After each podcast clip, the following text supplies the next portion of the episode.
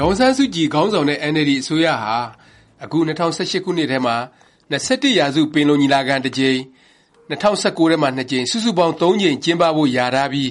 အဲဒီကြိမ်ပြီးရင် ငြိမ်းချမ်းရေး လုပ်ငန်းစဉ် အတွက် အဖြေရလာဒ် တစ်ခု ထွက်လာဖို့ မျှော်လင့်ထားပါတယ်။ဒီမျှော်လင့်ချက်ကို ဒေါ်အောင်ဆန်းစုကြည်ကရော၊တပ်မတော်ကာကွယ်ရေး ဦးစီးချုပ် ဗိုလ်ချုပ်မှူးကြီး မင်းအောင်လှိုင်ကပါ ပြောဆိုထားတာပါ။အခြားတစ်ဖက်မှာတော့ မြောက်ပိုင်းက အင်အားကြီး လက်နက်ကိုင် တိုင်းရင်းသား အဖွဲ့ ဖွဲ့နဲ့ KNPP ကရင်နီလက်နက်ကိုင်အဖွဲ့လိုမျိုးကလည်း NCA လက်မှတ်ထိုးတဲ့ အခြေအနေကို ရောက်မလာသေးပါဘူး။ဒါတင်မက NCA လက်မှတ်ထိုးပြီး အစိုးရနဲ့ နိုင်ငံရေး ဆွေးနွေးနေကြတဲ့ KNU လက်နက်ကိုင်အဖွဲ့နဲ့ အခြားအဖွဲ့တွေကလည်း ဆွေးနွေးမှုတွေမှာ Deadlock ပိတ်ဆို့မှုတွေ ဖြစ်နေပြီး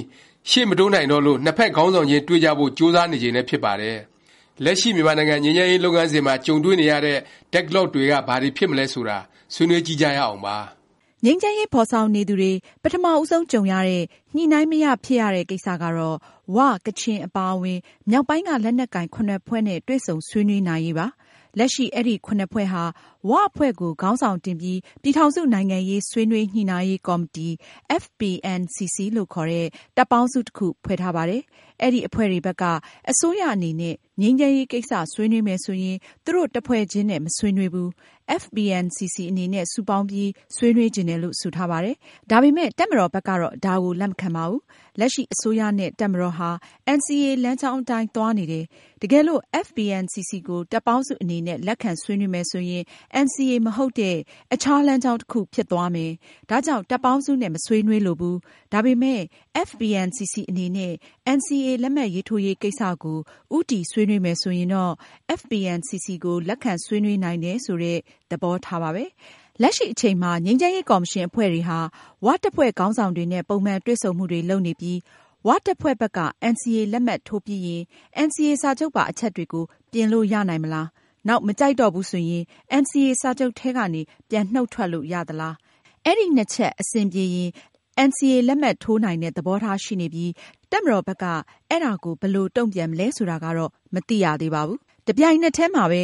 ငြိမ်းချမ်းရေး ကော်မရှင် တာဝန်ရှိသူတွေဟာ မိုင်းလားအဖွဲ့၊ KIA အဖွဲ့တွေနဲ့လည်း တစ်ဖွဲ့ချင်းစီ တွေ့ဆုံဖို့ ကြိုးစားနေတယ်လို့ ဆိုပါတယ်။ဒီကြားထဲမှာ အရင်က အဆက်အဆံ မလုပ်ခဲ့တဲ့ ကိုးကန့် တပ်ဖွဲ့၊ရခိုင် AA နဲ့ တအဲာန်းပလောင် တပ်ဖွဲ့တွေနဲ့လည်း ပြန်ပြီး တွေ့ဆုံမှုတွေ လုပ်နေတယ်လို့ ဆိုပါတယ်။ပြီးခဲ့တဲ့ ငြိမ်းချမ်းရေး ညီလာခံကာလ အဲဒီဖွဲ့ခေါင်းဆောင်တွေကို ဒုတပ်မတော် ကာကွယ်ရေး ဦးစီးချုပ် ဒုဗိုလ်ချုပ်မှူးကြီးစိုးဝင်းက လက်ခံတွေ့ဆုံခဲ့ပြီး သိပ်မကြာသေးခင်တုန်းကတော့ တရုတ်နိုင်ငံရဲ့ စီစဉ်ပေးမှုနဲ့ ယူနန်ပြည်နယ် ခွင်းမင်မှာ ငြိမ်းချမ်းရေး ကော်မရှင်အဖွဲ့က သွားပြီး တွေ့ဆုံခဲ့ပါတယ်။ပြီးခဲ့တဲ့နှစ်တွေတုန်းက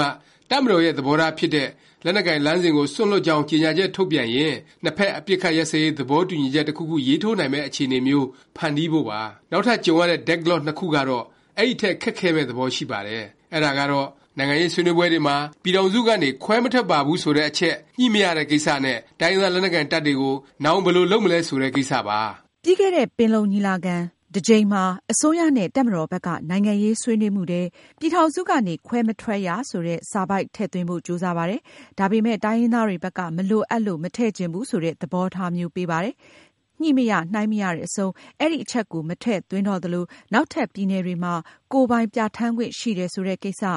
ပြည်နယ် ဖွဲ့စည်းအုပ်ချုပ်ပုံ အခြေခံဥပဒေ ရေးဆွဲပြဌာန်းကျင့်သုံးနိုင်ရေး ကိစ္စတွေကိုလည်း တပ်မတော်ဘက်က လက်ခံဆွေးနွေးခြင်း မပြုတော့ပါဘူး။ဒါကြောင့် ပင်လုံညီလာခံတွေကနေ နိုင်ငံရေးအရ အရေးကြီးတဲ့ သဘောတူညီချက် မရခဲ့ကြပါဘူး။အလားတူ လုံခြုံရေးဆိုင်ရာ ပြန်လည်ပေါင်းစည်းခြင်း ခေါင်းစဉ်အောက်မှာလည်း နိုင်ငံမှာ တပ်မတော် တစ်ခုတည်းသာ ရှိရမယ် ဆိုတာလောက် သဘောတူညီကြပေမယ့် ကျန်တာကိုတော့ မဆွေးနွေးနိုင်ကြသေးပါဘူး။ တိုင်းရင်းသားတွေဘက်က တပ်မတော်ကို ပြည်ထောင်စု တပ်မတော်ကြီးအဖြစ် ပြုပြင်ပြောင်းလဲတာမျိုး လုပ်ချင်ပေမယ့် တပ်မတော်ဘက်ကတော့ တပ်မတော်ကို ပြုပြင်ပြောင်းလဲဖို့ မလိုအပ်ဘူး၊တိုင်းရင်းသား တပ်ဖွဲ့တွေကိုသာ တပ်မတော်ထဲ ပုံစံ တစ်ခုခုနဲ့ ပူးပေါင်းတာမျိုးကိုသာ လိုချင်နေတာပါ။ဒီလို ခက်ခဲတဲ့ ညှိနှိုင်းမရတဲ့ ကိစ္စတွေ ရှိနေသလို၊အခြား အခက်အခဲတွေလည်း ရှိနေပါသေးတယ်။ NCA လက်မှတ်ရေးထိုးထားတဲ့ RCSS/SSA ရှမ်းလက်နက်ကိုင်တပ်ဖွဲ့အနေနဲ့ လူထုတွေ့ဆုံပွဲတွေလုပ်ဖို့ နားလည်မှု မရနိုင်ကြသေးပါဘူး။ဒီလို ပြသနာကြီးတွေ ဖြေရှင်းနိုင်ရေး ကေအဲန်ယူဥက္ကဌစောမူတူးစေးဖိုး ဦးဆောင်တဲ့အဖွဲ့က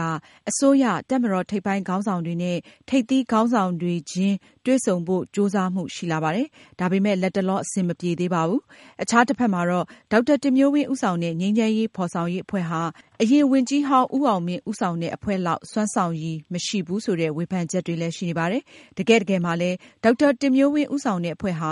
လက်နက်ကိုင် တိုင်းရင်းသားတွေနဲ့ အလွတ်သဘော၊အလုပ်သဘော ထိတွေ့ဆက်ဆံမှု အရည်အတွက် အများကြီး နည်းနေပါသေးတယ်။ဒါကိုလည်း လက်ရှိ ငြိမ်းချမ်းရေး အဖွဲ့က တာဝန်ရှိသူတွေ ဝန်ခံကြပါတယ်။တိုးတက်မှုလို့ ပြောနိုင်တာကတော့ ငြိမ်းချမ်းရေး အကောင်အထည်ဖော်တဲ့ လုပ်ငန်း ဒေါ်အောင်ဆန်းစုကြည် လက်လွဲှရယူပြီး ၂ နှစ်ခွဲ ပတ်ဝန်းကျင် ရှိလာချိန်မှာ နိုင်ငံရေးပါတီက ပုဂ္ဂိုလ်တွေ၊တိုင်းရင်းသား ခေါင်းဆောင်တွေ၊နိုင်ငံရေး သုတေသီတွေနဲ့ အခြားပညာရှင်တွေကို ဖိတ်ခေါ်ပြီး Stakeholder အစည်းအဝေး ပြန်ကျင်းပနိုင်ခြင်းပါ။ တကယ်တော့ အရင် ဝန်ကြီးဦးအောင်မင်း ငြိမ်းချမ်းရေး အကောင်အထည် ဖော်စဉ်ကာလတုန်းက